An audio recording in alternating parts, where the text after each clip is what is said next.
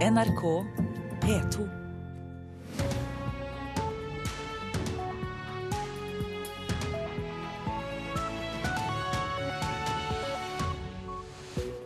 Vi gir deg nyhetsbildet her i Nyhetsmorgen, og nå torsdag 30. oktober 6.30 har vi disse hovedsakene. Krisemøte i Odda i dag. 65 personer er fortsatt evakuert etter flommens herjinger. I Østerrike er en 14 år gammel gutt fengslet etter mistanke om at han planla å plassere en bombe på et offentlig sted. Det blir tøffere kamp om færre jobber, bare halvparten så mange ledige jobber som for et halvt år siden. Og vi skal høre at mange kunstnere begynner med tatovering. Det er penger i kunst på menneskehud. Eh, det er en mytologisk tegning av en bosnisk varulv som slåss mot et norsk troll. Og han som tatoverer meg, er veldig flink på det. I studio i dag, Øystein Heggen. Og det er krisemøte i Odda i dag. 65 personer er fortsatt evakuert etter flommens herjinger. Og reporter Tale Hausod, du er eh, nær elva for oss, det kan jeg nesten høre i eh, bakgrunnen. Og eh, hva har skjedd i Odda i natt? Ja, jeg står her nå ved OK-elva, som da i løpet av ja, de to siste døgnene egentlig da har hva skal jeg si, grevet ut egentlig store deler av eh, Odda sentrum. Det skal være noe tilbakegang her i eh, vassdraget, men fremdeles så ser jeg at det nesten slår vann opp eh, i brua her jeg står. Og I går kveld så kunne da ordføreren her i Odda, Jon Oppdal, fortelle at det var da to nye hus som sto i fare for å rase i elva i natt. Fremdeles har det ikke skjedd, og det er da jordmasse som egentlig da gravd seg ut eh, under huset. Eh, og det er spesielt ett hus her oppe som da står eh, på om lag en fjerdedel av Eller der en fjerdedel av huset rett og slett står i løse lufta. Men det som derimot har skjedd i natt, er at denne operabrua som jeg står ved nå, som ligger helt nord for Odda sentrum, er blitt skadd i løpet av natta. Det er ikke noen synlige skader som jeg kan se, men politiet har gjort vurdering av brua, og biler kan ennå kjøre over. Og hva skjer med de som eh, fortsatt er evakuert i Odda? Altså, det er ennå 65 evakuerte personer, og politiet de opprettholder evakueringa ennå. Eh, og det er jo da ennå mye vann i Opoelva.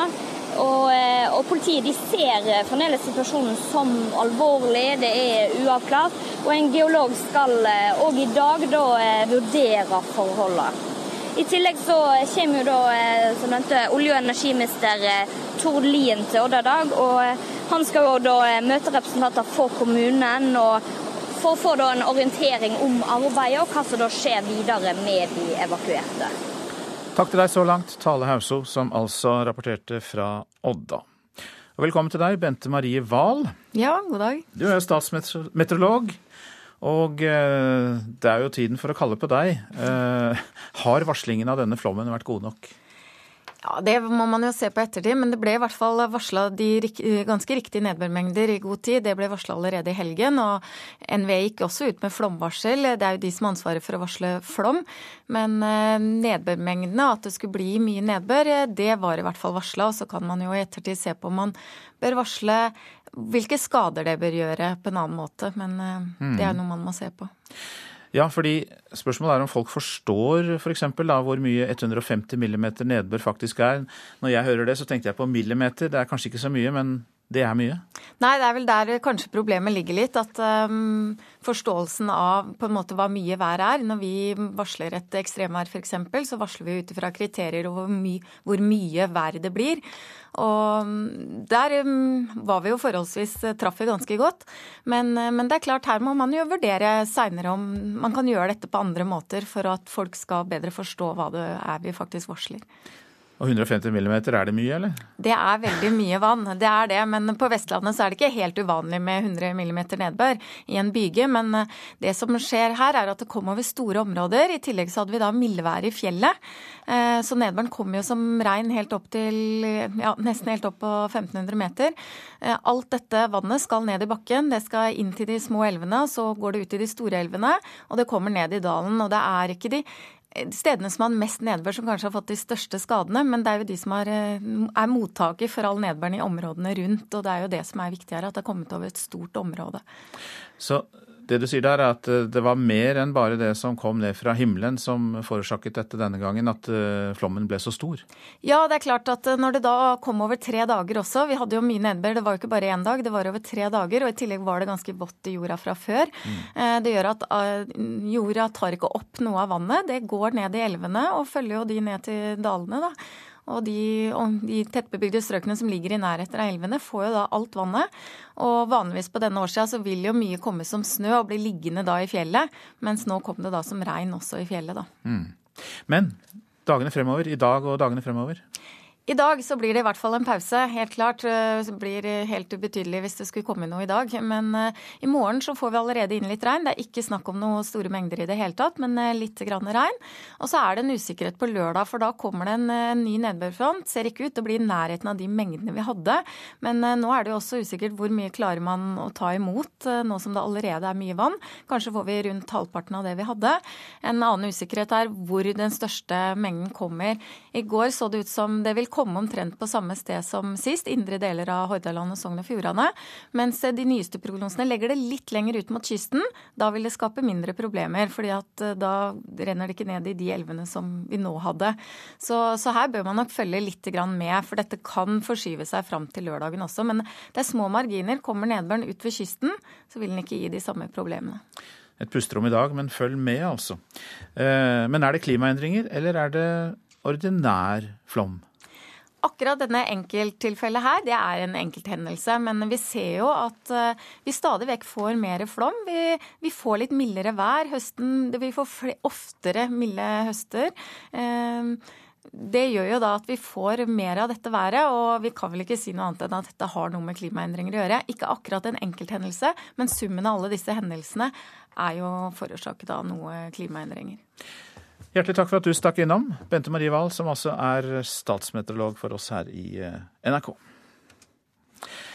Snø gjør det vanskelig å tolke målingene fra bevegelsen i fjellpartiet Mannen i Romsdal. Målingene fra i natt viser at det fremdeles er bevegelse i fjellpartiet, som er ventet å rase ut om kort tid. Vakthavende geolog Ingrid Skrede sier de trenger tid til å tolke resultatene. En 14 år gammel gutt er varetektsfengslet i Østerrike etter at han planla å plassere en bombe på et offentlig sted og deretter slutte seg til jihadister i Syria. Det opplyser myndighetene i landet. Den 14 år gamle gutten er en tyrkisk statsborger som har bodd i Østerrike de siste åtte år, og han har vært under etterforskning av politiet siden tidlig i oktober, og ble da pågrepet tirsdag. Det er eh, mange tusen færre jobber utlyst her i landet nå enn på samme tid i fjor. Jobbskvis i oljesektoren og ingeniørkutt har vi jo hørt om allerede. Men i store bransjer som kontor, personal, markedsføring og salg er det bare halvparten så mange ledige jobber nå som det var for et år siden. Den nedgangen er faktisk veldig sterk. Det er en reduksjon på ca. 50% over hele linjen. Og det er strukturelle endringer som man må ta på alvor. Daglig leder Adil Osmani i Rubrikk NO teller jobbannonsene, men finner stadig færre av dem. Nei, altså Det tallene til Rubrikk NO viser, at dette ikke er et kortsiktig blaff. Dette er en vedvarende trend som vi må anta fortsetter i noen måneder fremover. Det er færre stillinger som kommer av stadig nedbemanninger i svært store sektorer som olje offshore, administrasjon og kontor og media og PR.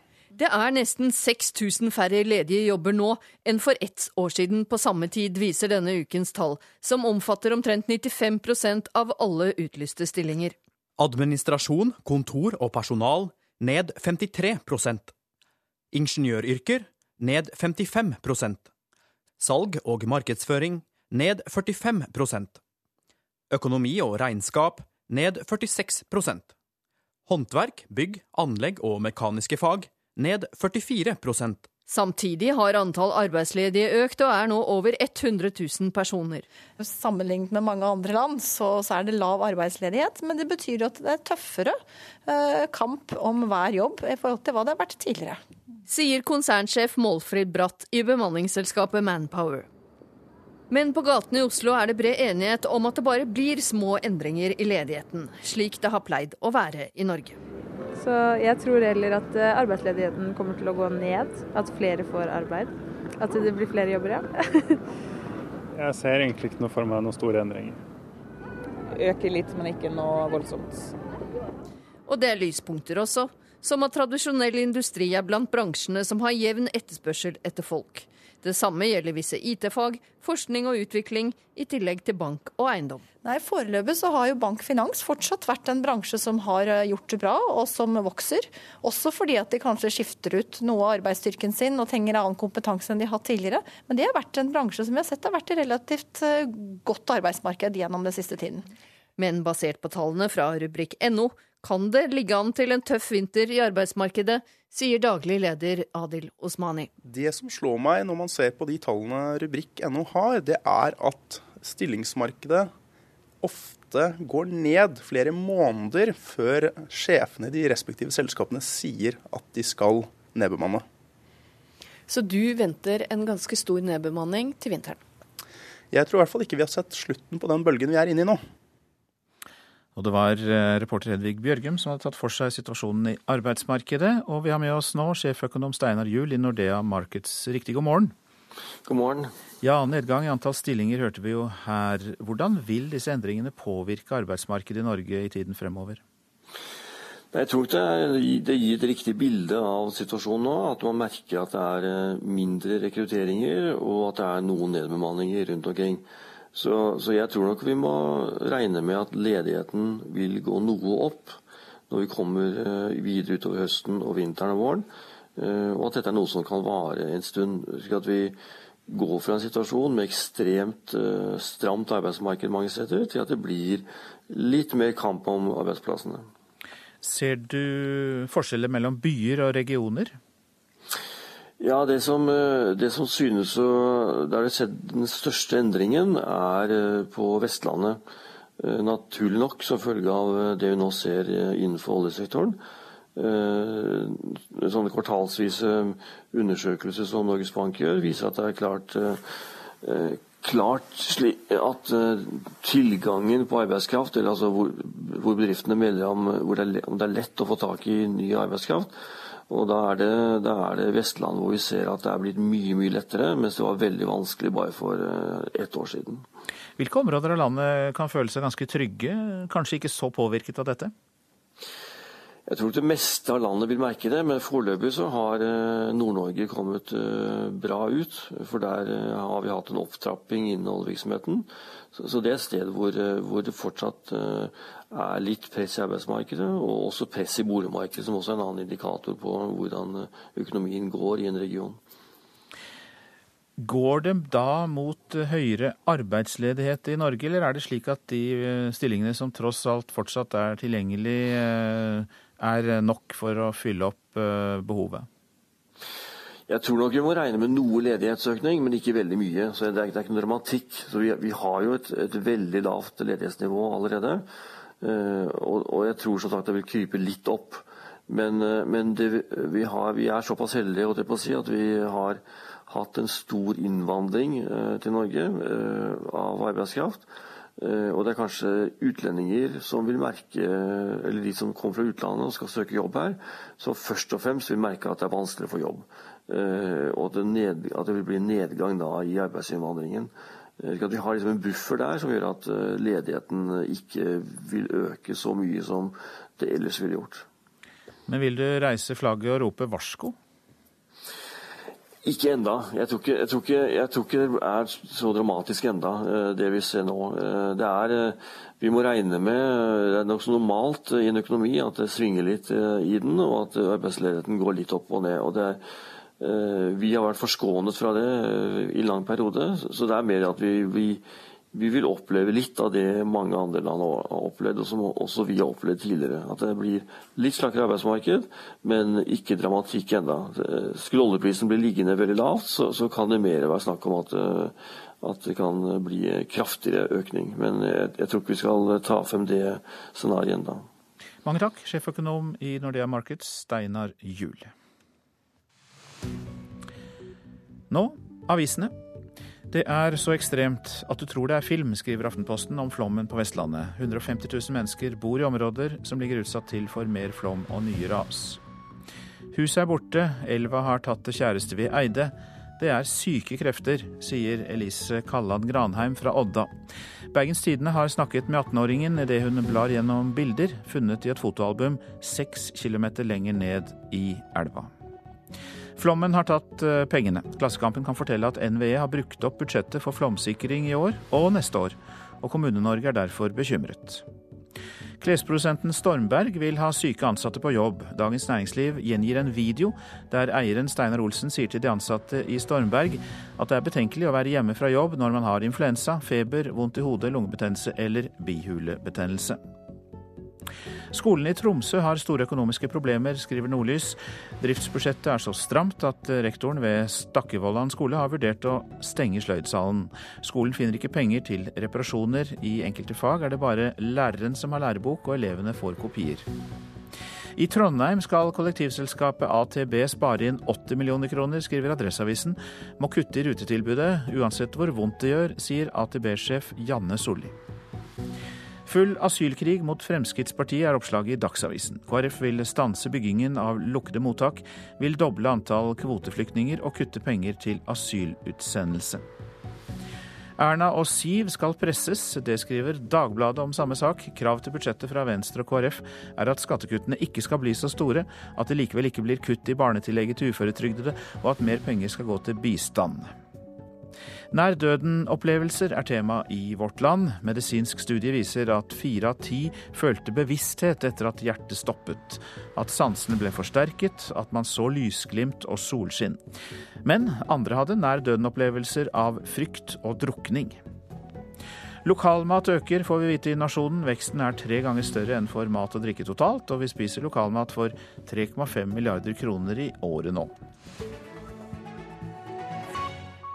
Skiforbundet har strukket seg for langt når det gjelder Petter Northug.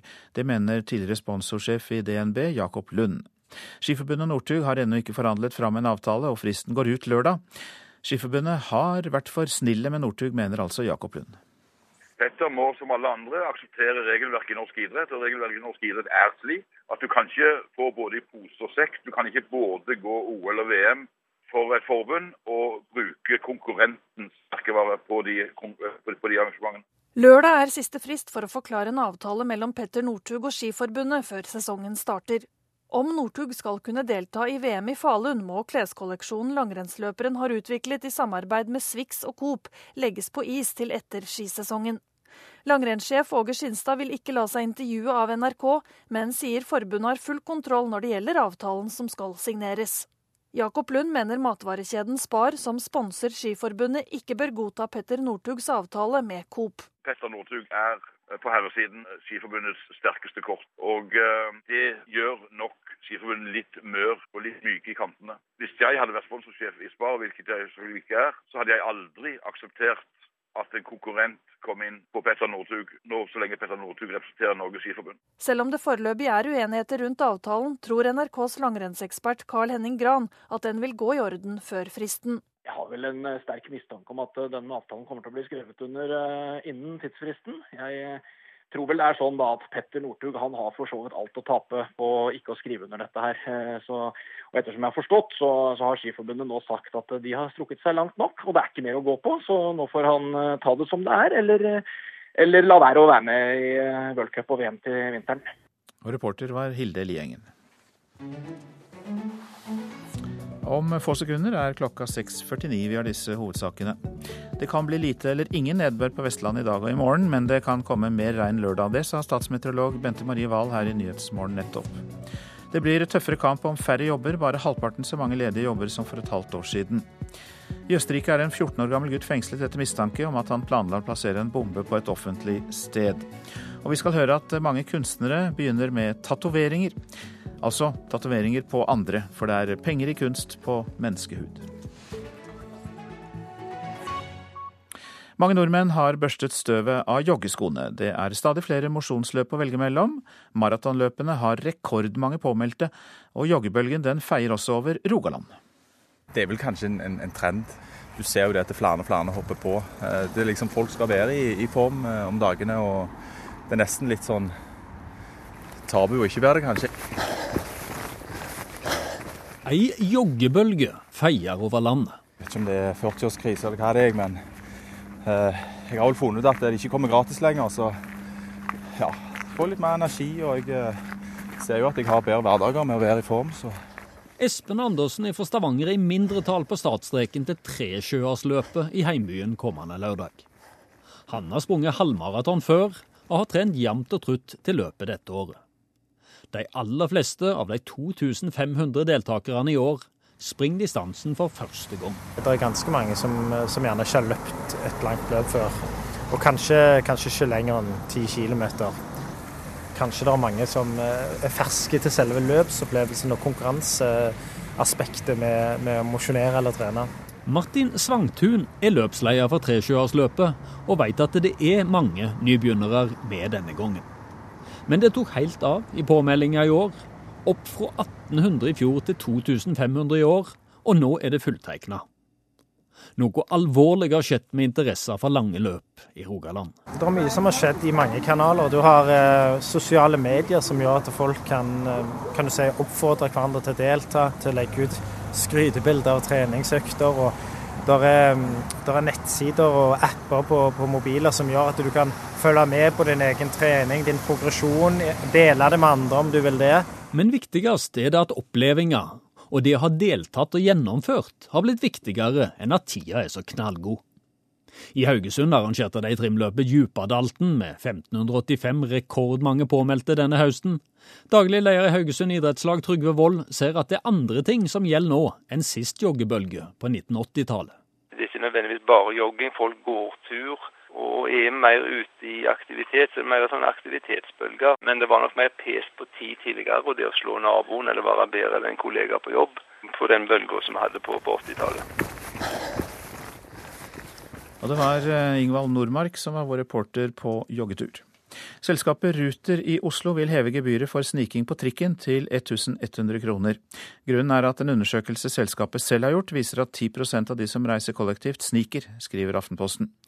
Ruter mener de kan ta inn 100 millioner kroner mer i billettinntekter hvert år hvis de får snikingen ned fra 10 til 5% Mange kunstnere velger å bli tatovører. En kunstform det er eh, enklere å tjene penger på. Det har ført til eh, større og mer detaljerte tatoveringer, som ofte dekker hele overkroppen. Eh, det er en mytologisk tegning av en bosnisk varulv som slåss mot et norsk troll.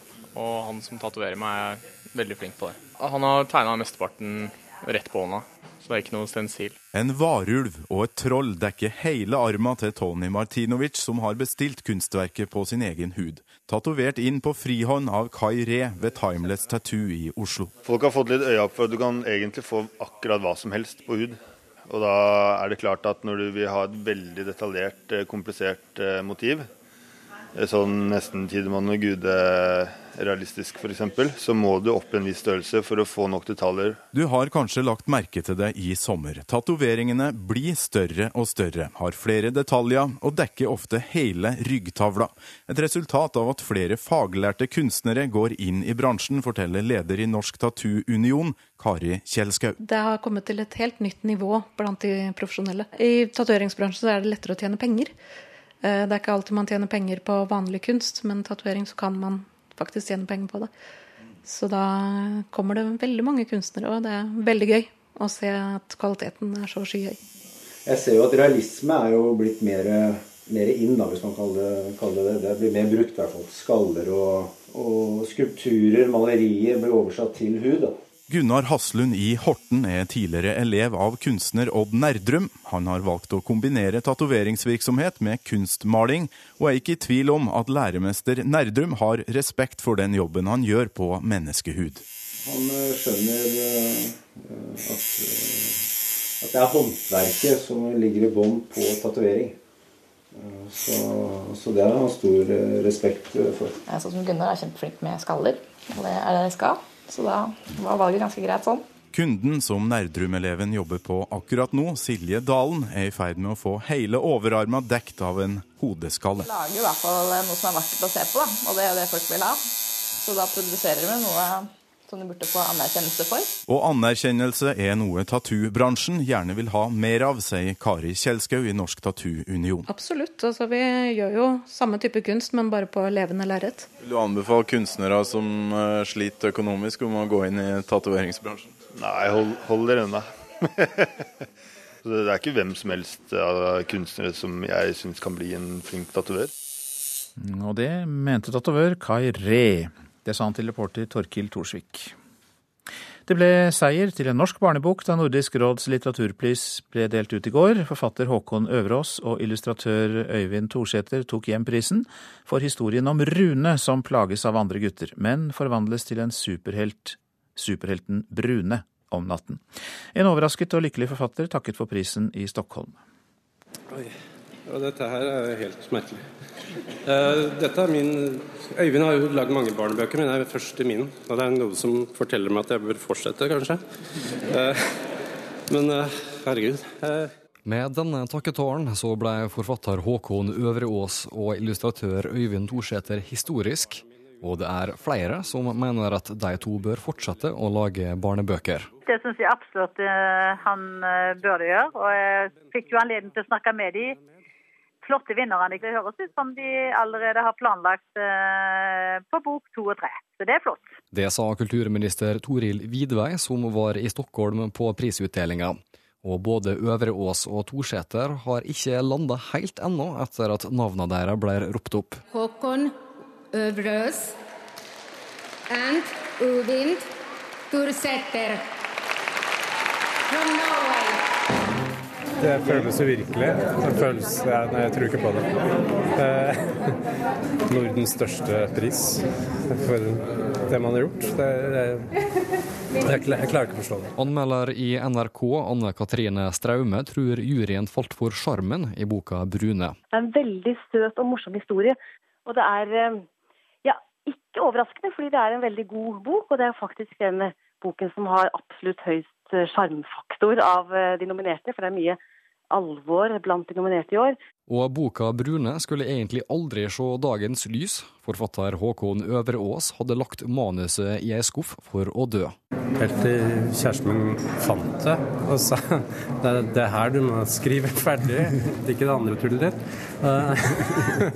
Eh, og så, så, gjorde jeg det. og så, jeg, jeg, var jo kjempeglad bare for å bli antatt. ikke sant? Jeg er godt i gang med neste manus på neste, som Øyvind skal få lov til å illustrere til våren. Ja, ikke alle manus man bør gjemme bort, nei. Reporter Øystein Vinstad og Hilde Bjørnskaug, prisutdelingen vises på NRK2 lørdag. Værvarselet nå. Fjellet i Sør-Norge. I morgentimene vestlig liten kuling utsatte steder nord for Finse. Ellers skiftende bris. Det blir noe sol, men tilskyende vær fra sør. Oppholdsvær. Østlandet og Telemark pent vær. Tilskyende fra sør utover ettermiddagen også i dette området, men stort sett opphold. Agder pent vær. Tilskyende utover ettermiddagen. Om kvelden kan det bli litt regn i Agder. Rogaland og Hordaland oppholdsvær. I morgentimene lokal tåke. I kveld sørøst liten kuling, og litt regn kan det bli i Hordaland. Snø over 800 meter. Sogn og Fjordane enkelte regnbyger, snøbyger over ca. 500 meter. Fra i ettermiddag oppholdsvær igjen. Møre og Romsdal enkelte regnbyger, snøbyger over ca. 400 meter. I kveld opphold.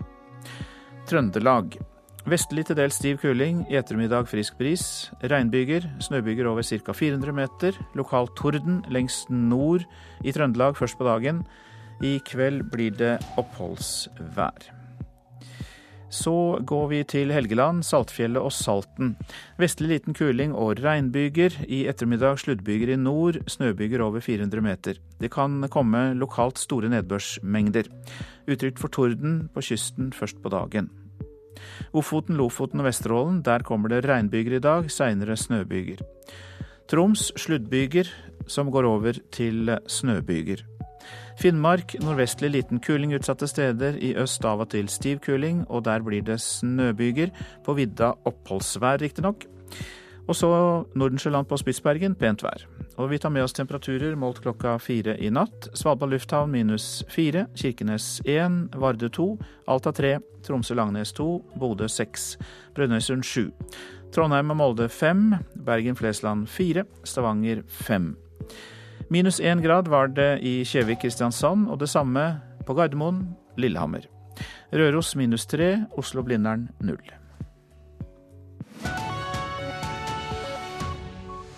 Og her i Nyhetsmorgen spør vi om norske banker er klare for å dele ut bankkort vi kan bruke som eh, bussbillett, eh, slik vi hørte i Dagsnytt.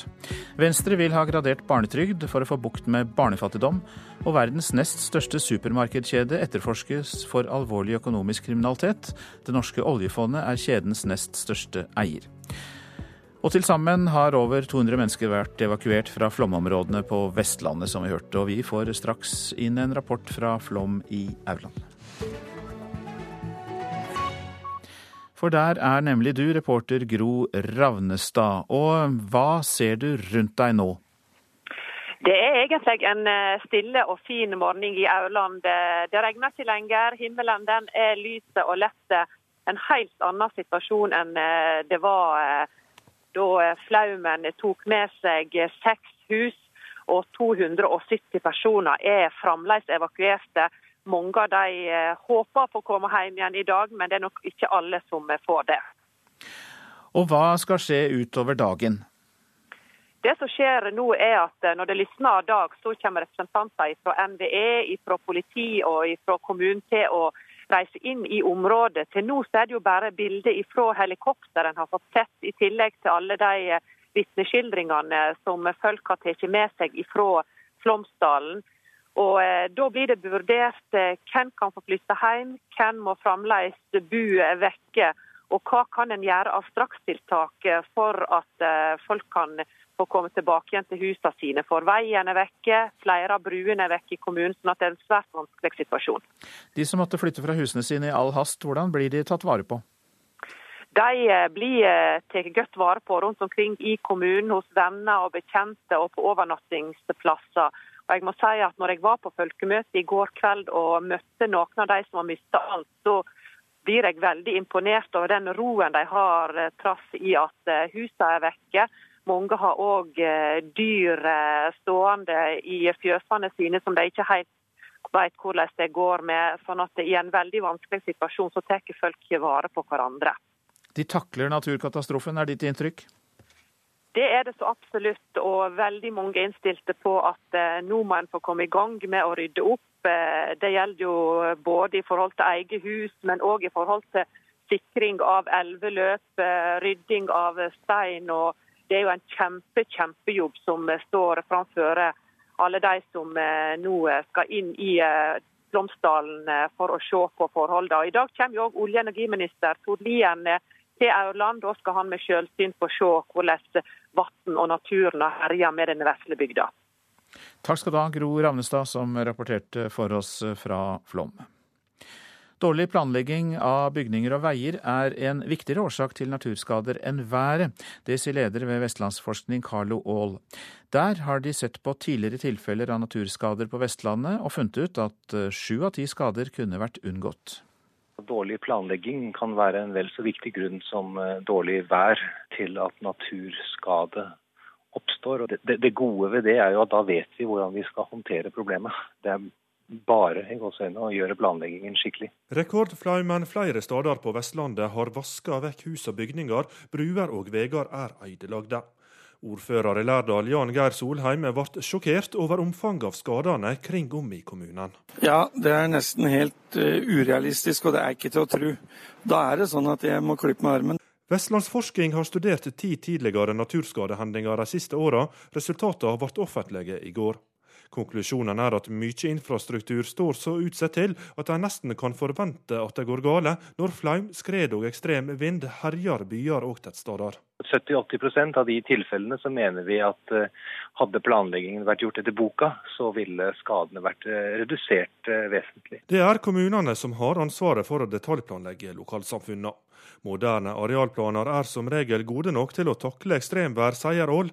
Problemet er at store deler av byene og tettstedene ble planlagde for flere tiår siden, og klimaet har alt endra seg. Så det gjenstår en nøtt egentlig å finne ut hvordan skal man klimatilpasse i forhold til de bygningene og de veiene som allerede er bygd, og som man kanskje ikke tenkte på og klima- og naturskade når man holdt på med dette her. Reporter Asgeir Heimdal Reksnes. Mange kunder får nå nye bankkort fra banken sin, som gjør det mulig å handle for småbeløp uten å taste kode. I London eh, kan disse kortene brukes på buss, tog og bane, som vi hørte i Dagsnytt nettopp. Men i Norge vet ikke kollektivselskapene når eller om de vil eh, satse på det systemet. Et lite pip, og du har betalt. Men enda er det bare Ruters eget reisekort du kan bruke på denne måten i kortleserne på T-banen, trikken eller bybussen i Oslo-området. Omtrent sånn er systemet andre plasser òg. Men nå sender flere banker ut nye bankkort til kundene, som gjør det mulig å betale småbeløp mye raskere, sier direktør for digitale tjenester i DNB, Ingjerd Spiten. Det er et helt vanlig bankkort, men det har kontaktløs funksjonalitet i tillegg. Så Det betyr at hvis eh, automaten eller betalingsterminalen som du skal bruke, har kontaktløs funksjonalitet, så kan du bare holde kortet eh, borttil, og da får du betalt. If your payment card has the following symbol, you can use contactless to pay for your morning coffee, your lunch and your bus journeys. I London kan du nå droppe reisekortet hvis du har et kontaktløst bankkort, som denne informasjonsfilmen forteller om. And you simply touch in and out as normal. En god idé, syns Martin Haugli, som er på vei inn på T-banen. Det høres ut som en briljant løsning. Man slipper å gjøre noe mer enn å vite at man har penger på kontoen. og ja, Det syns jeg høres kjempelurt ut. Ruter mener selskapet traff blink med sin egen billettapp for mobil, sier kommunikasjonsrådgiver Trond Brekke. London prioriterte å satse på bankkort. Vi prioriterte å satse på appen. Hva som overlever lengst av bankkort og mobil, det vet vi ikke nå. Men vi, eh, og Derfor ser vi også på andre løsninger enn mappen i tillegg. Kontaktløs betaling er én av dem, men de er helt i starten av den vurderingen. Ingjerd Spiten i DNB er enig i at mobilen fungerer bra, men For de som ikke bruker kollektivt så ofte, så tror jeg det hadde vært veldig fint om de hadde begynt å akseptere kontaktløse kort, som letter reisen. Du slipper å fylle opp eh, kortet ditt og bruke et spesielt kort. Du kan bruke ditt vanlige betalingskort på eh, metroen i London. Og man får til og med rabatt hvis man eh, reiser to enkeltreiser på én dag. Det å legge til betalingskort som en tredje betalingsmåte, det krever at den oppfyller tre kriterier. Én, den skal gjøre det veldig enkelt å betale for seg. To, det skal være en langsiktig løsning. Og tre, det skal være en stabil løsning. Ja, det var Kjartan Røslett som ga oss den innføringen i den nye verdenen av betalingskort. Og um, god morgen til deg, Jan Digranes. God morgen, ja. Du er direktør for bankområdet i Finans-Norge. Og eh, ja, vi hører jo om disse nye kortene. Hvor vanlige tror du slike kort kan bli her i landet? Ja, som eh, Ingjerd Spiten sa i innslaget, så er man nå i gang med å, utstede slike kort til kundene. Så disse kortene blir veldig vanlige i Norge etter hvert, som bankene får utstedt til sine kunder. Men så må det jo være en automat som kan ta imot dem? Ja, men automatene er eh, jevnt over godt forberedt på dette ute i, i butikksystemene og, og, mange andre steder. Er transportsektoren spesielt eh, gunstig å teste ut etterpå?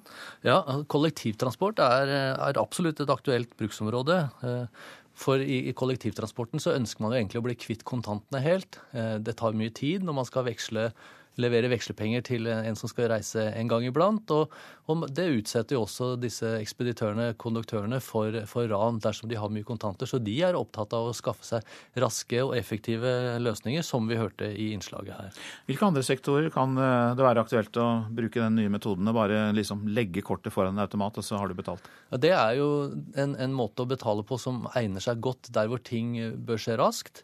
Eh, der hvor det er små beløp, og der hvor risikoen for å bli tittet over skulderen for at noen tar fra deg PIN-koden på den måten, er til stede. Da egner sånne, sånne typer betalingsløsninger seg godt. Men det spørsmålet som selvfølgelig alltid dukker opp når det er snakk om penger, sikkerhet uten kode. Det eh, høres litt skummelt ut. Ja, altså sikkerheten, altså Kortsystemene er svært sikre. Eh, og som jeg sa, dette er jo da løsninger som egner seg for små betalinger. Eh, så det er ikke mye penger du, du trekker på hver gang. Og, og du får ikke lov til å holde på i ubegrenset eh, omfang med å betale uten å bruke PIN-kode. Du må innom en, buti, en terminal som krever PIN-kode med jevne mellomrom for å liksom autentisere deg og vise at det, det faktisk er du som er eh, kontoinnehaveren. Vi hørte jo her at kollektivselskapene i Norge valgte mobilløsninger, i Oslo f.eks. Andre byer også, mens i London så har de valgt da bankkort. Eh, har du en oppfatning om hvem som har valgt riktig her? Nei, det kan vi ikke si i dag. Altså, vi er fortsatt i en tidlig fase, som det også kom frem her. Altså, man prøver ut eh, kontaktløse kort, og man prøver ut mobiltelefoner, man prøver ut apper. Og så, vil jo da liksom utviklingen vise hvordan dette kommer til å samle seg om noen få løsninger etter hvert. Og vi vet at i, i kollektivtransporten her i Norge nå, så, så, jobber man for å få til samordnede løsninger eh, mellom ulike transportselskaper. Og, og, da er jo banknæringen en god samarbeidspartner, for er det noe vi er gode på, så er det jo samordnede løsninger som fungerer godt mellom alle banker. Men midt oppi alt dette så vi jo, får vi jo nye sedler her i landet. De har jo til og med fått seksere på terningen nærmest. Masse gode kritikker. Nydelig design skal vi gjøre med disse sedlene? Skal vi ramme dem inn og henge dem på veggen? Nei, altså Sedler er jo tvungent betalingsmiddel. Eh, det jobber jo vi for at kontanter, eller kontopenger også skal bli i tiden fremover. Sånn at man ikke skal være tvunget til å måtte ta imot kontanter i alle sammenhenger. Bussene er jo et eksempel på hvor kontanter egentlig ikke er så godt egnet. Ja, men Forsvinner disse fine sedlene? Nei da, det, det, gjør de ikke. Altså, Myndighetene, og vi også for så vidt, er jo enige om at eh, vi må jo ha sedler i et samfunn for å ha Det er en beredskapsløsning. sånn i aller, aller aller, aller, aller verste tilfelle. Men, men jevnt over så, så, vil jo disse sedlene bli lite brukt. Så jeg har vel sagt at eh, jeg håper ikke de trykker opp for store opplag i første omgang. ok. Vakre sedler og smarte bankkort er framtida, da? Det, det, er helt klart. Takk skal du ha, Jan Diganes, direktør for bankområdet i eh, Finans-Norge. Nå til eh, politikk. Venstre vil gradere barnetrygden for å få bukt med barnefattigdom. Det er et av tiltakene de kommer med i sitt alternative statsbudsjett. Sveinung Rotevatn, sosialpolitisk talsperson i Venstre, mener at de som har en bra inntekt, må tåle en halvering av barnetrygden for at de fattigste barna skal få en bedre hverdag.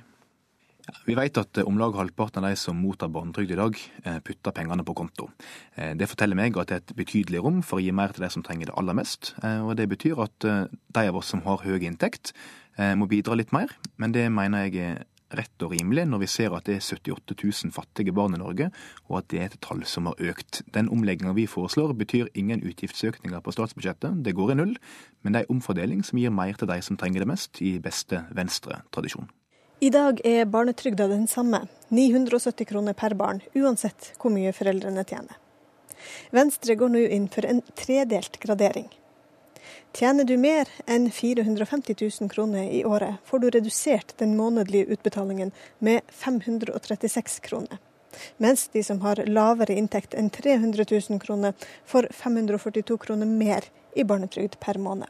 Det håper vi kan bidra til at vi får færre fattige barn, at fattigdommen i mindre grad går i arv, eh, og at flere barn får muligheten til å feire bursdag, til å gå i andre sine bursdager og til å få ordentlige ferier. Ja, Dette forslaget har ikke KrF eh, i vårt program, men jeg vil ikke uten videre avvise forslaget. Det sier KrF-leder Knut Arild Hareide. Sammen med Venstre skal KrF inn i forhandlinger med regjeringa om statsbudsjettet fra neste uke. Og Hareide ser positive sider ved barnetrygdforslaget fra Venstre. For det første så tar vi ikke penger fra barnefamiliene, det er en omfordeling. Og for det andre så er det sånn at de som har minst fra før, kommer betydelig bedre ut. Og vi vet det at eh, vi har hatt en utfordring knytta til fattige barnefamilier i Norge.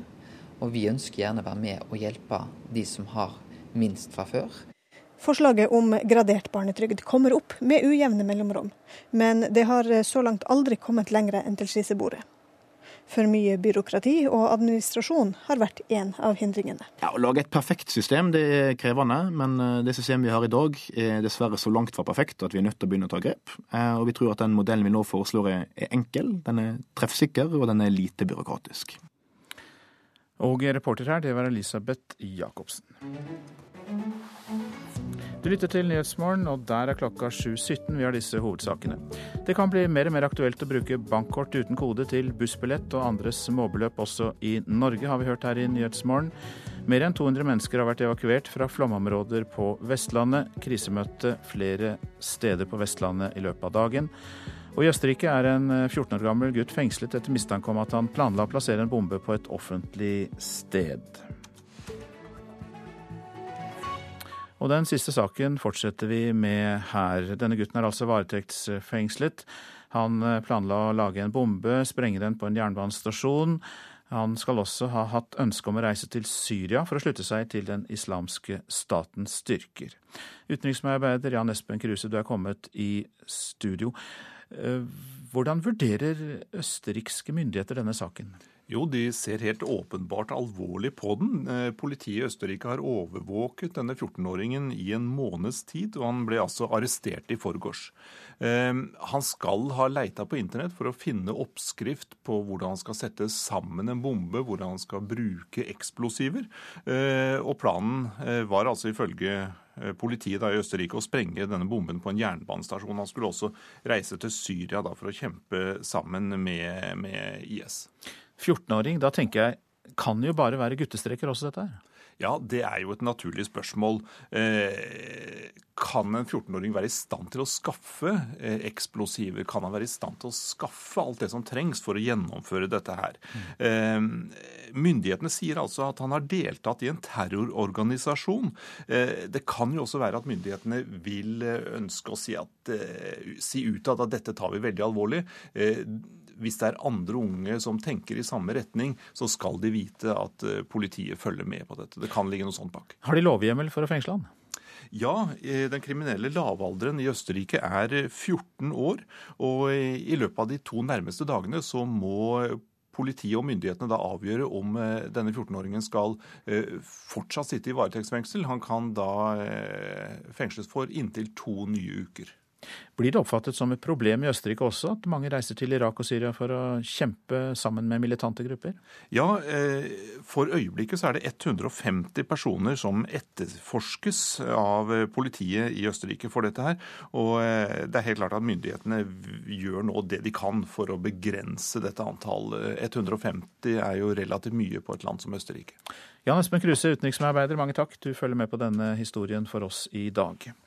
Nå om verdens nest største supermarkedkjede, britiske Tesco, som er under etterforskning fra Storbritannias eh, etterforskningsorgan for alvorlig økonomisk eh, kriminalitet.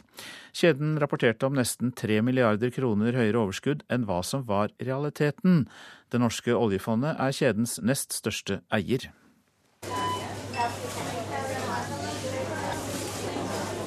Kø i kassen som vanlig hos en av supermarkedkjeden Tescos mange butikker i London.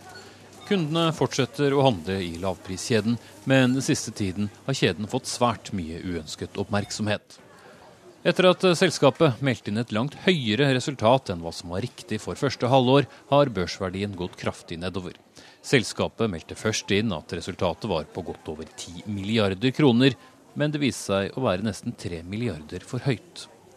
Siden da har selskapet vært under etterforskning, og nå er det klart at Storbritannias etterforskningsorgan for alvorlig økonomisk kriminalitet skal ta over. Åtte toppsjefer er så langt suspendert fra matvaregiganten. Teresa Wickham er tidligere toppsjef i matvarekjeden Safeway og er konsulent i den britiske dagligvarehandelen. Hun sier at Tesco har vært i trøbbel lenge. I mean, Tesco's has been in a very difficult situation because it's had several profit warnings, which is unusual for it, and that's led to people sort of looking and saying, is Tesco's wobbling, what's happening? Dette betyr også tap for Norge, for oljefondet, eller pensjonsfondet utland, er nest største eier i Tesco, med en eierandel på 7% en eierandel som har mangedoblet seg på bare noen år. Men etter hvert som Tesco har hatt alvorlige problemer med inntjeningen, har børsverdien mer enn halvert seg det siste året, og følgelig også verdien til pensjonsfondet. Når en konklusjon kommer av etterforskningen er høyst uklart. Mer enn seks millioner dokumenter skal gås gjennom, og det spørs hva investorer vil synes om dette. Aksjene kan fort komme på tilbud, slik varene i supermarkedskjeden er. Espen Aas, London. Ghanas president er i Norge, skal i dag bl.a. spise lunsj på Slottet. Og vår Afrikakorrespondent Kristine Presttun har sett nærmere på det vestafrikanske landet. Ghana er en av Afrikas største suksesser. Landet ligger i tetsjiktet på indekser for alt som er bra i forhold til økonomisk frihet, menneskerettigheter og korrupsjon. Det som en gang var den britiske kolonien Gullkysten, har funnet betydelige mengder olje og gass. For tre år siden begynte landet for alvor å utvinne sine oljeressurser. Det er et hovedtema for presidenten under hans Norges besøk. Han blir informert om hvordan vi har fordelt Norges oljeformue til fordel for fellesskapet. Kan hende det også blir tid til en prat om fortiden, om da Danmark-Norge tjente store penger på Ghanas kyst. Festningen Kristiansborg i hovedstaden Accra er symbolet på at 100 000 slaver ble fraktet over Atlanterhavet på dansk-norske skip. I dag huser festningen regjeringskontorene og er presidentens hovedsete. Under koloniperioden ble Ghana verdens største kakaoprodusent, og skoleutbyggingen kom lengre enn i noen annen koloni. Det kan forklare noe av Ghanas suksess. Landet var også det første i Afrika som frigjorde seg fra britene. I 1957 tok den karismatiske lederen Kwame Nkrumah over makten, til inspirasjon for frigjøringsbevegelser i hele Afrika. Hans forbilde var Gandhi og den fredelige, ikke-voldelige motstanden. Også Ghana har opplevd militærkupp og vanstyre. Men fra 1990-tallet blir det regnet som et av Afrikas mest vellykkede land. Dagens president, John Dramani Mahama, er en sjubarnsfar som betegnes som både kommunikasjonsekspert, forfatter og historiker. Vår konge med danske aner har invitert ham på lunsj i dag. De to kan få en interessant stund.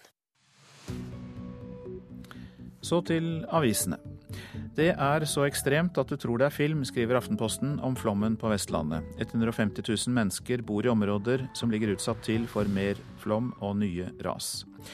Huset er borte, elva har tatt det kjæreste vi eide. Det er syke krefter i sving, sier Elise Karland Granheim fra Odda. Bergens Tidende har snakket med 18-åringen idet hun bladde seg gjennom bilder funnet i et fotoalbum seks kilometer lenger ned i elva. Flommen har tatt pengene. Klassekampen kan fortelle at NVE har brukt opp budsjettet for flomsikring i år og neste år. Kommune-Norge er bekymret. Klesprodusenten Stormberg vil ha syke ansatte på jobb. Dagens Næringsliv gjengir en video der eieren Steinar Olsen sier til de ansatte i Stormberg at det er betenkelig å være hjemme fra jobb når man har influensa, feber, vondt i hodet, lungebetennelse eller bihulebetennelse.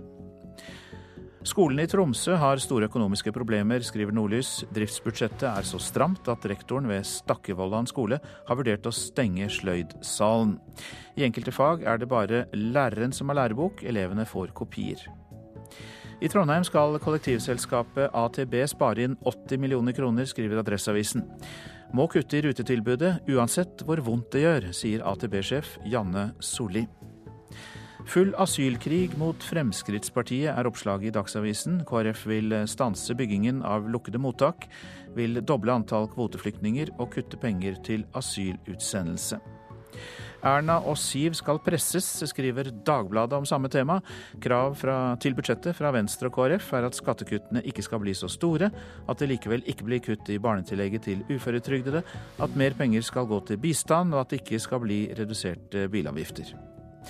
Nær døden-opplevelser er tema i Vårt Land. Medisinsk studie viser at fire av ti følte bevissthet etter at hjertet stoppet, at sansene ble forsterket og at man så lysglimt og solskinn. Men andre hadde nær døden-opplevelser fylt av frykt og drukning. Lokalmat øker, får vi vite i Nasjonen. Veksten er tre ganger større enn for mat og drikke totalt, og vi spiser lokalmat nå for 3,5 milliarder kroner i år. Flomofrene på Vestlandet går tunge tider og store utfordringer i møte. Det sier Trond Teigen fra Kvam i Gudbrandsdalen. Han mistet hjemmet sitt to ganger i flom i løpet av bare to år. Og han har ennå ikke flyttet inn i nytt hus etter den siste flommen i fjor. Det blir vel ferdigstilt om en fem-seks uker. Antageligvis cirka, da. Men det har tatt tid, altså? Ja, det tar tid. Det gjør det. Trond Teigen er bare en av mange som mistet hjemmet sitt under flommene i Kvam, både i 2011 og i 2013. Lyden av den voldsomme og ødeleggende Veikleåa sitter fortsatt sterkt i minnet til folk som bodde og bor langs åa. Huset til Trond Teigen ble knust til pinneved to ganger. I dag tenker han på flomofrene på Vestlandet.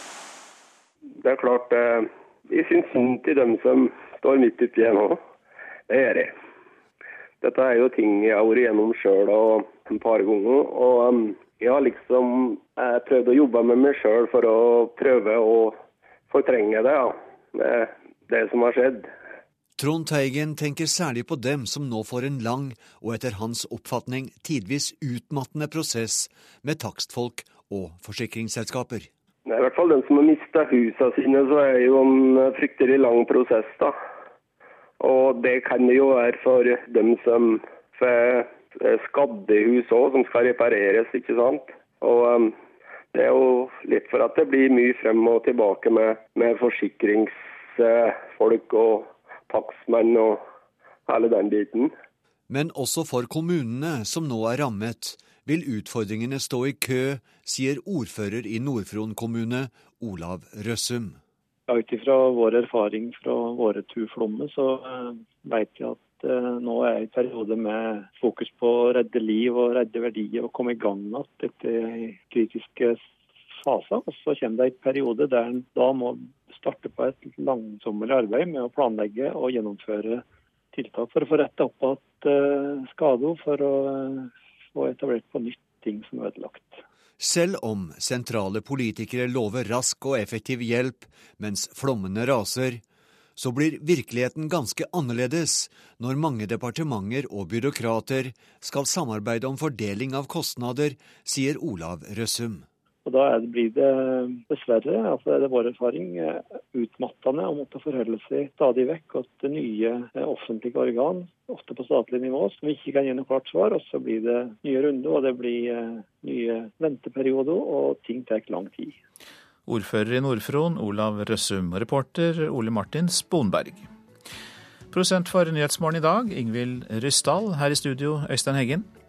Fredsprisvinner Malala Yousefzai holder en lav profil og gir ikke intervjuer, men vår reporter i London har snakket med venninnene hennes. Mer i reportasjen etter Dagsnytt. Norge vil sende 100 militære rådgivere til krigen mot IS i Irak, og KrF vil ta et oppgjør med FrPs asyl- og flyktningepolitikk. Og det er da temaene for debattene i Politisk kvarter, og det blir sendt kvart på åtte.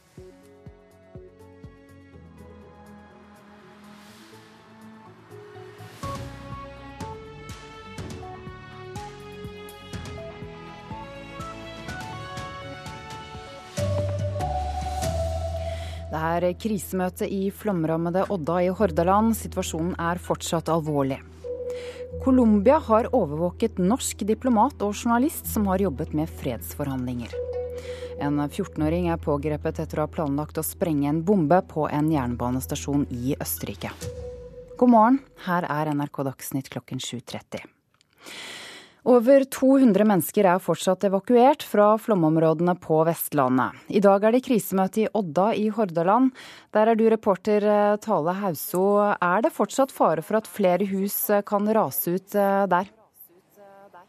Ja, det er det. Eh, I går kveld så frykta en at i løpet av natta så kunne to hus eh, rett og slett eh, forsvinne ut i Opoelva. De står ennå, men de, de, kan dette ut når som helst. Og jeg står her med ordfører i Odda kommune, Jon Oppdal. Hvordan har natta og morgentimene vært?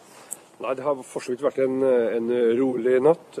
De husene som du nevner, de står fortsatt der de står men det er fortsatt fare for at de kan rase ut i elva. Det, men vi har hatt vakthold eh, rundt om i kommunen på de områdene som er mest utsatt. Det er jo ennå 65 evakuerte. Når eh, kan de eventuelt eh, flytte hjem? Ja, Vi skal ha en geolog og se på disse boligområdene som er mest utsatt. Vi har kalt inn til et informasjonsmøte med disse boligområdene de evakuerte klokken 13 dag, så får vi den siste informasjonen til de om de kan flytte hjem eller ikke. Men det blir vurdert fortløpende. Hvor store er egentlig skadeomfanget? Ja, det, Nå får jeg besøk av Tord Lien, statsråden i dag. NVE kommer på besøk, så vi skal ha en befaring og se på, se på området. Eh, vi er opptatt av at eh, statsråden og NVE får kartlagt hva som er skaden, og hvilke tiltak som må settes i verk for å sikre områdene langs elvekanten. Mm. Hva ønsker du nå når Tord Lien kommer på besøk? Nei, Jeg eh, vil vise ham det området som er skada, og han får et innblikk eh, om omfanget. Eh, og Dette er jo et del av storsamfunnet må delta for å få reparert dette her. Dette klarer ikke vi med våre egne midler. Reporter Tale Hauso, kan du beskrive hvordan det ser ut rundt deg? Uh, ja, det er Hva skal jeg si, da? Det er nesten sånn at uh, halve Odda sentrum er rett og slett uh, forsvunnet. Opoelva den strekker seg gjennom Odda sentrum, og har egentlig da skylt vekk hus, veier og, og store områder av Odda sentrum. Takk til deg, Tale Hauso. Og klokken tolv i dag blir det holdt et folkemøte i Aureland, der det kommer mer informasjon om når de evakuerte kan få vende tilbake til Flom i Sogn og Fjordane. Så skal vi gjøre at eh, Colombias militære etterretning har laget lister over e-postadresser til flere hundre diplomater, journalister og andre som kan knyttes til fredsforhandlingene med FARC-geriljaen. Det skriver den colombianske avisen Semana, og blant navnene skal det være en norsk diplomat og en journalist fra NRK. Colombias militære etterretning, SIME, har ifølge avisen Semana samlet inn flere hundre e-postadresser knyttet til over 300 personer. Mange av adressene skal være private, og det er uklart om Sime også har hatt adgang til innholdet i e-poster som er sendt. På listene finnes bl.a. den norske diplomaten Ole Reidar Bergum, som hadde ansvar for Colombia i Utenriksdepartementets Latin-Amerika-seksjon, før han nylig gikk ut i permisjon. Norge og Cuba jobber sammen som tilretteleggere for fredsforhandlingene mellom den colombianske regjeringen og FARC-geriljaen i Cubas hovedstad Havanna. Men Bergum skal ikke ha hatt noen rolle der. På en liste over 119 medier, i all hovedsak utenlandske, finnes også NRK, som har fulgt fredsprosessen med reportasjer både fra Colombia og Havanna. Flere av topptjenestemennene hos Colombias høykommissær for fred er også på listen. Det samme er medlemmer av Det internasjonale Røde Kors, folk som har bidratt både til løslatelse av gisler og med å få overført geriljamedlemmer fra Colombias jungel til Havanna. Hærens generalinspektør har beordret gransking av den militære etterretningens overvåkingsaktivitet, og sjefen for Sime, general Mauricio Forero, ble beordret ut i ferie. Groholm, Washington. Og det er usikkert eh, hva påstandene om denne overvåkningen betyr for Norges videre deltakelse i fredsforhandlingene mellom den colombianske regjeringen og FARC-geriljaen. Det sier pressetalsmann i Utenriksdepartementet, Eskil Sivertsen. Altså, nå, nå, må vi først vite hva dette er. Vi er kun kjent med, med disse opplysningene gjennom uh, media. Uh, vi har ingen opplysninger om hvor hvem som har laga denne lista, eller eh, hvilket formål den skal ha. Eh, men vi vet at eh, både det colombianske forsvaret og Riksadvokaten etterforsker saken i, i Colombia. Så får vi avvente og se hva, hva slags opplysninger de kommer med. Vi skal videre til Østerrike, for der har en 14 år gammel gutt blitt eh, varetektsfengslet etter at han skal ha planlagt å lage en bombe og sprenge den på en jernbanestasjon. Gutten skal også ha ønsket å reise til Syria for å slutte seg til den eh, islamske statens eh, styrker. Den 14 år gamle gutten er tyrkisk statsborger, men har bodd i Østerrike i åtte år. Han har blitt overvåket av politiet i en måneds tid, og ble arrestert i forgårs.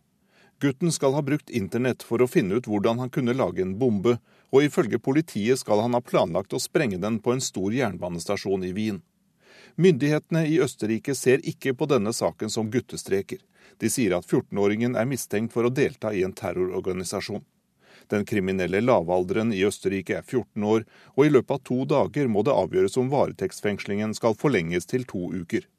Gutten har også sagt at han ønsker å reise til Syria for å kjempe sammen med den islamske statens styrker. Det sa utenriksmedarbeider Jan Espen Kruse. Mange kunder får nå nye bankkort fra banken sin, som gjør det mulig å handle for småbeløp raskere, uten å taste kode. I London kan disse kortene også brukes eh, både på buss og tog og bane, i stedet for reisekort. Kollektivselskapene i Norge vet ikke helt om, og i tilfelle når, et slikt system kommer hit. Men på T-banen i Oslo synes Martin Hauglie at dette er en god idé. Man slipper å gjøre noe mer enn å vite at man har penger på kontoen. og ja, Det syns jeg høres kjempelurt ut. Et lite pip, og du har betalt. Men enda er det bare Ruters eget reisekort du kan bruke på denne måten i kortleserne på T-banen, trikken eller bybussen i Oslo-området. Omtrent sånn er systemet andre plasser òg. Men nå sender flere banker ut nye bankkort til kundene, som gjør det mulig å betale småbeløp mye raskere, sier direktør for digitale tjenester i DNB, inngjerdesbiten. Så kan du bare holde kortet eh, borttil, og da får du betalt. Og du behøver ikke å ta kode hvis beløpet er 200 kroner eller lavere. You can use contactless to pay for your morning coffee, your lunch and your bus journeys.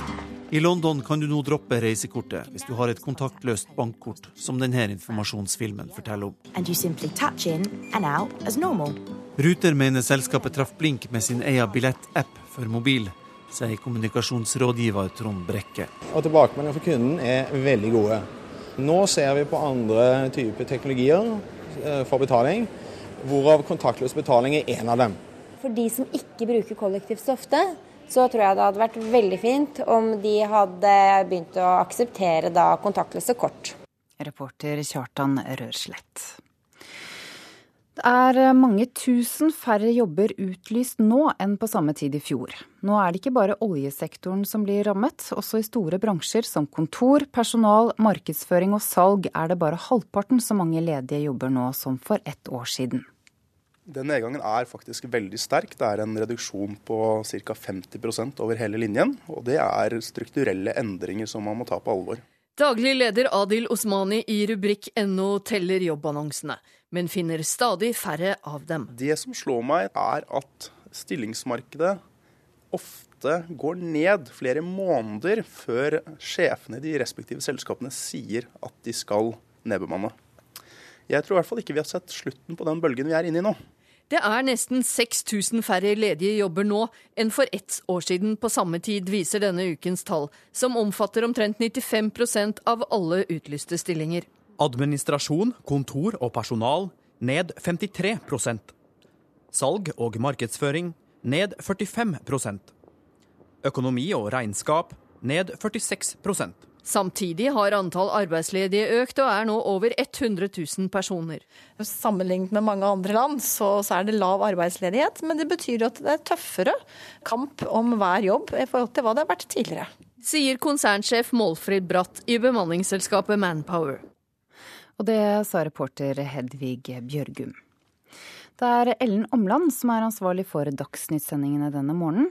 Teknisk ansvarlig er Hanne Lunås. Jeg heter Ida Creed.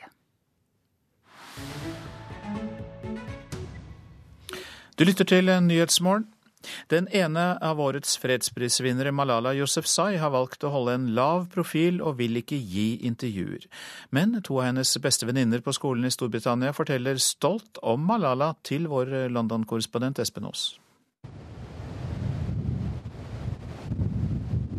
Meterhøye brenninger dundrer inn fra Bristol-kanalen mot St. Donuts-bukten i Sør-Wales.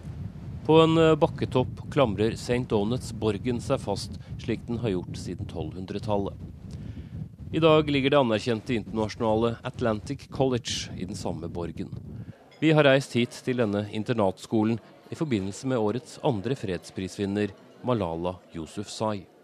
Hun har så langt valgt å holde en lav profil og ikke latt seg intervjue. Derimot har vi fått lov til å møte to av hennes nærmeste venninner som går her, Shazi Ramzan og Kainat Rias. When I heard that Malala got the Nobel Peace Prize, me and Kainat was so happy. Like we were so excited. We feel it like we got an award. Like it feels like you're in, in for my country. She was so young. She fought for girls girls education in Pakistan. Det er eh, to svært stolte venninner. Shazi sier det var som å få en pris selv, fordi ingen sto opp for dem da de ville gå på skolen, men det gjorde Malala. Kainat forteller om hvor mange gratulasjoner de fikk av klassekamerater da tildelingen ble kjent. My friend is also like so happy and they said, "Oh Kainat, congratulations, your friends get Nobel Peace Prize." And then I called Malala and like I'm so happy because this is very very big. De to venninnene til Malala ble tilbudt både stipend og skoleplass her, noe de takket ja til. De satt på hver sin side av Malala 9.10.2012, da en bevæpnet mann fra Taliban stanset skolebussen deres og fyrte av flere skudd på innsiden, mot Malalas hode. Men også begge jentene ble truffet, og menn ikke så alvorlig som deres kjente venninne. So unfortunately, this was when me and Kainat was also hit by the bullets. I was hit by bullets on my hand and shoulder, and Kainat was also hit by the shoulder. When I went to hospital and I feel I feel like very scared. I den travle kantinen i den største hallen i det historiske bygget står jentene i kø sammen med mange hundre andre medelever. Dette er deres forberedelser til universitetslivet, og det stilles strenge krav til innsatsen. Ofte omtales Atlantic College som en internasjonal variant av det prestisjetunge Eton College utenfor London, hvor mange i Storbritannias maktelite har gått. Uh, and today um, are going to look at different themes en eh, grunntanke er at forskjellige kulturer og nasjonaliteter skal møtes for å øke forståelse og toleranse, og slik sett skape et bedre verdenssamfunn. Noe som passer perfekt til filosofien til de to pakistanske jentene. Vi er fra Pakistan, så vi kan endre verden and vi kan endre regulation what's going on in Pakistan. Så vi kan endre alt, og dette hjelper oss Atlantic College, så vi kan forbedre dem. Begge vil forandre verden gjennom utdannelse, i likhet med Malala. Begge har som drøm å utdanne seg til leger når de er ferdig på college, og så bruke den kunnskapen til å hjelpe andre. Den forblåste borgen er et godt stykke unna Birmingham og venninnen Malala, så de ser hverandre ikke så ofte, men holder kontakten. Kanskje gjenforenes de når de går videre til universitetet om et knapt år. Da starter neste fase. Neste fase i kampen for å forbedre verden gjennom utdannelse. Du lytter til Nyhetsmorgen, og dette er hovedsaker i dag. Over 200 mennesker er fortsatt evakuert fra flomområdene på Vestlandet. Det er krisemøte i flomrammede Odda i Hordaland i dag. Colombias militære etterretning har overvåket en norsk diplomat og en journalist som har jobbet med fredsforhandlinger. En 14-åring er pågrepet etter å ha planlagt å sprenge en bombe på en jernbanestasjon i Østerrike. Gutten skal også ha ønsket å kjempe for IS i Syria. Og det blir tøffere kamp om færre jobber i Norge. Antall ledige jobber som nå er utlyst, er halvparten av hva det var for et år siden. Om få sekunder er det klart for Politisk kvarter. Og der er programleder Bjørn Myklebust.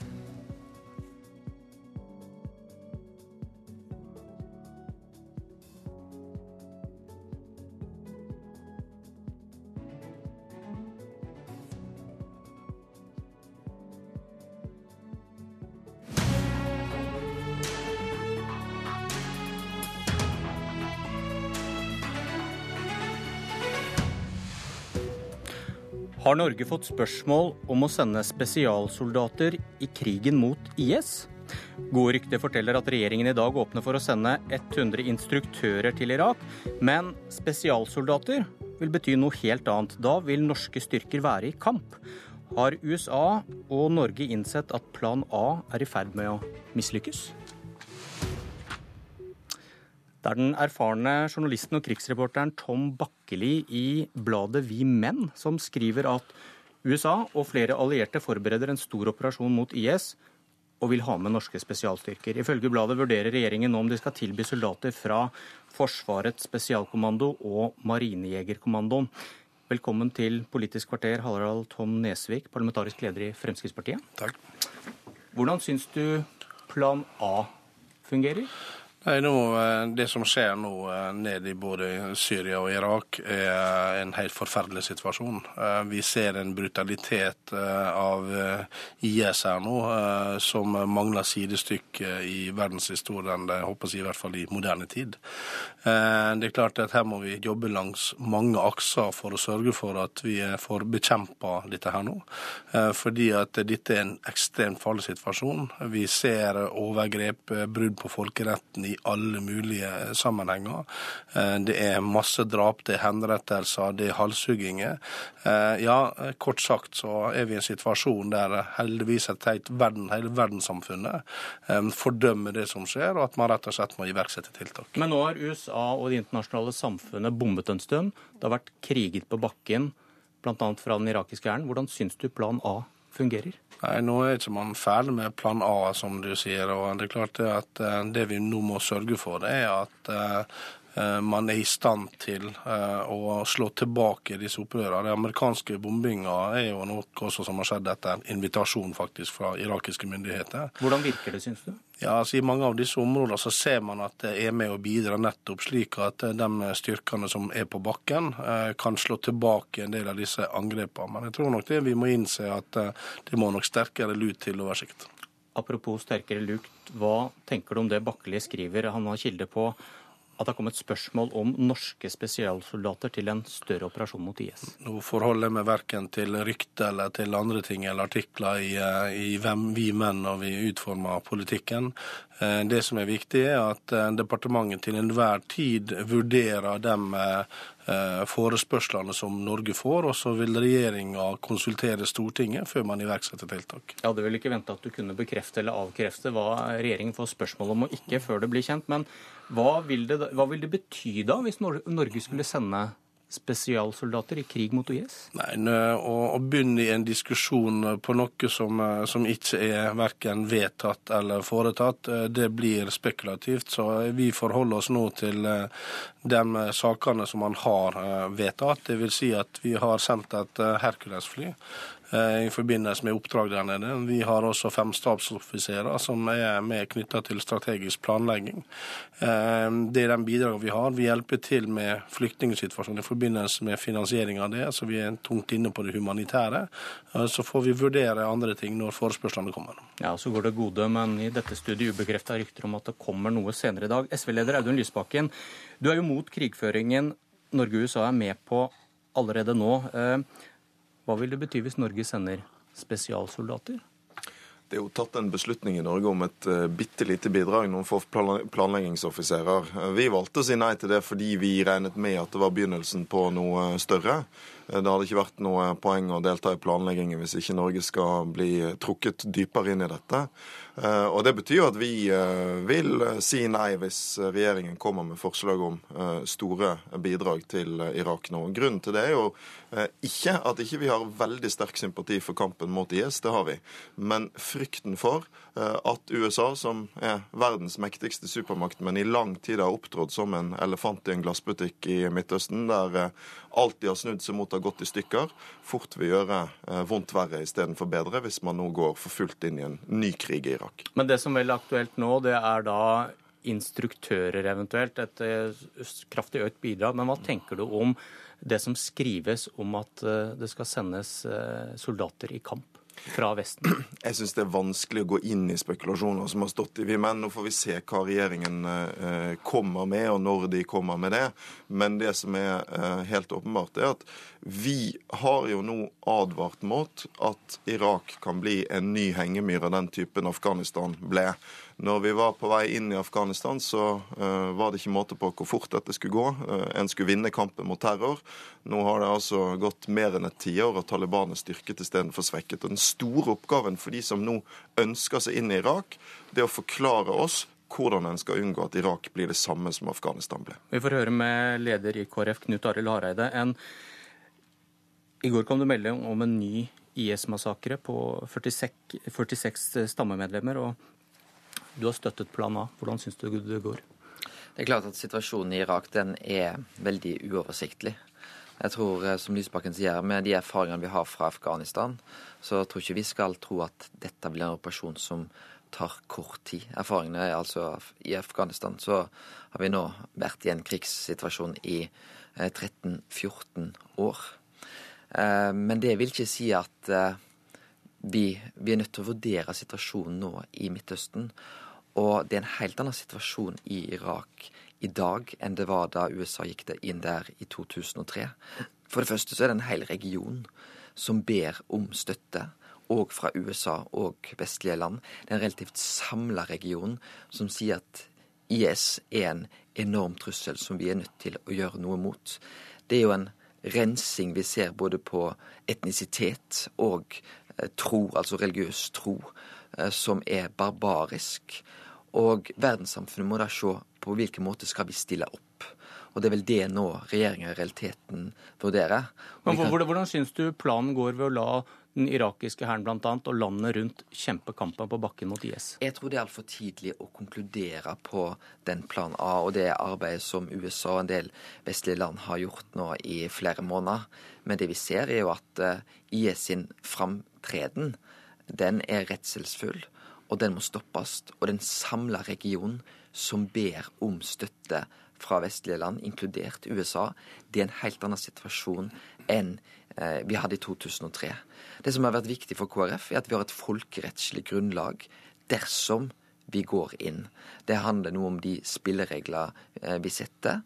Eh, og da er det klart at da er det viktig at hvis vi skal være med og bidra, så må det være på tydelig da føring fra irakiske myndigheter om at de er med på å ber eh, om hjelp. Men ligger, ligger, det en logikk i at USA og Norge tenker et steg videre hvis den lokale kampen på bakken mot IS ikke lykkes?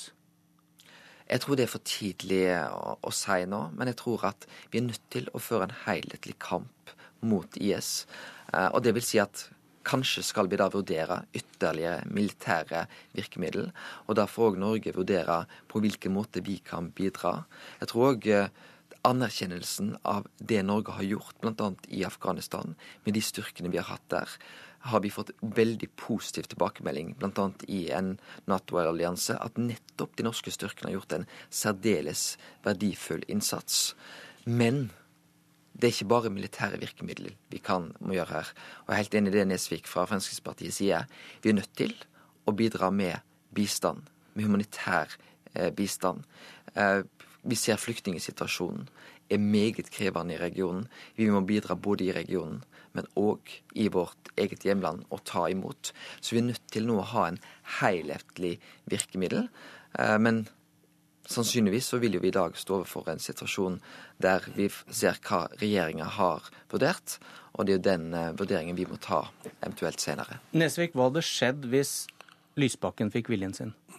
Nei, Da frykter jeg at eh, hvis Lysbakken hadde fått viljen sin i denne saken, så, og at det hadde forplanta seg også til andre land at man ikke ville være med og bidra, så ville vi fått en katastrofe i hele regionen. Fordi at da ville IS uten å møte motstand kunne gradvis eh, iverksette dette kalifatet med å få en stadig større og større stat, eh, og som da vil skape grobunn på et senere tidspunkt eh, for eh, ytterligere økt internasjonal terrorisme.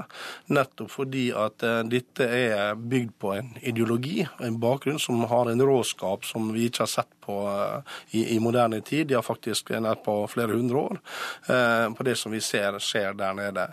Derfor er det viktig at, og Nå har vi også faktisk et enstemmig sikkerhetsråd uh, som fordømmer situasjonen, og som sier at her må man bekjempe den utviklinga som vi ser. Men det er utopi å tro altså, det, dette her blir ingen kortvarig situasjon.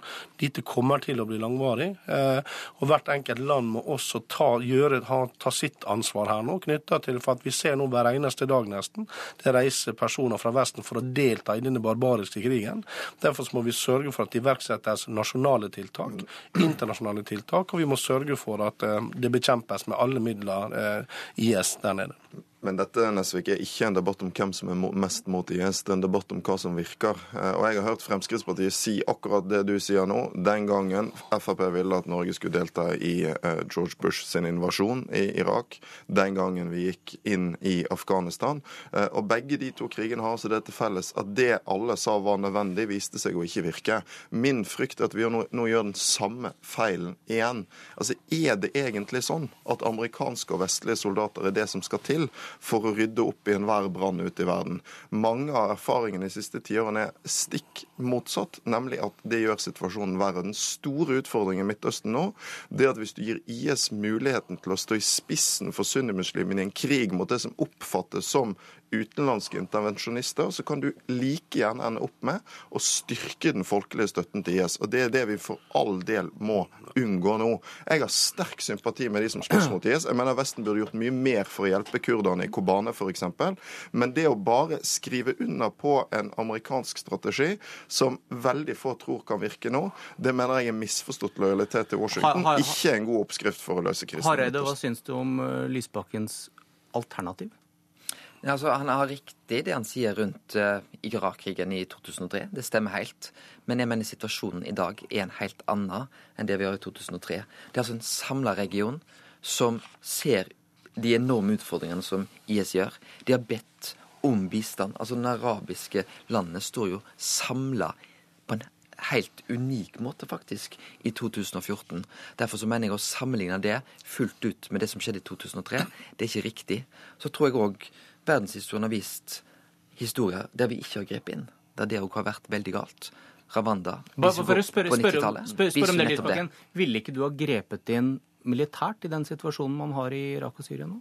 Jo, så Jeg eh, er ikke mot all form for militær hjelp til de som Men kjemper mot IS. Men hva konkret vil du ha gjort nå? Bare En helt konkret ting SV har gjort i Stortinget siste uken, det er å presse på for å få regjeringen til å legge press på Tyrkia, som har stengt grensen mot de kurdiske områdene i Syria, sånn at frivillige som ønsker å hjelpe til i Forsvaret av Kobane, ikke har kommet inn. Der har jo Vesten altså spilt en veldig tvilsom rolle, kanskje over tid gitt støtte til mange av disse islamistene. Man husker på at det er bare et år siden USA hadde tenkt å bombe i Syria, men da på den andre siden av denne krigen. Bombe Assad, hjelpe IS. Sånn, det viser bare hvor utrolig fort dette har skiftet fram og tilbake. Og at amerikanerne ikke sitter med en endelig løsning. Så det vi trenger, er støtte til de som kjemper. Ja. Men ikke en eh, blind lojalitet til en plan som veldig mange er i tvil om i virker. Eh, det er viktig å, å, presisere her at Norge skal alltid ta stilling til de henvendelsene som kommer, og vurdere det ut ifra norske forhold, og ut ifra hvorvidt at eh, vi ønsker å være med, og på hvilken måte. Jeg tror det er viktig.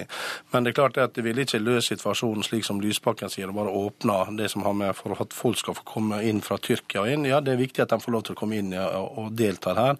Men det er klart det at med den våpensituasjonen som vi nå ser i området, så er det tunge eh, våpen som de bruker fra, fra IS side.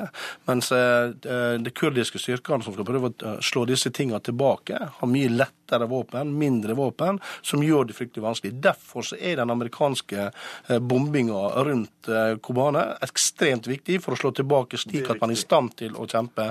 Når det gjelder de andre tingene, så er vi nødt til å iverksette tiltak. Jeg er ikke mot at kurderne får hjelp. Det jeg eh, er skeptisk til, eh, det er en del av de andre tingene amerikanerne gjør. Bombingen av Raqqa f.eks., som tar sivile liv, som vi risikerer støtter, øker støtten til IS. Og, og hvis det er sånn at vi ikke er sikre på at amerikanerne har en god strategi for å skape fred, da mener jeg det er uansvarlig å bidra med norske soldater. Jeg kan ikke være med på å ta ansvaret for det hvis ikke jeg tror på at den strategien de legger, virker. Det betyr ikke at vi er mot enhver militær hjelp. Vi er veldig for hjelp til kurderne, f.eks.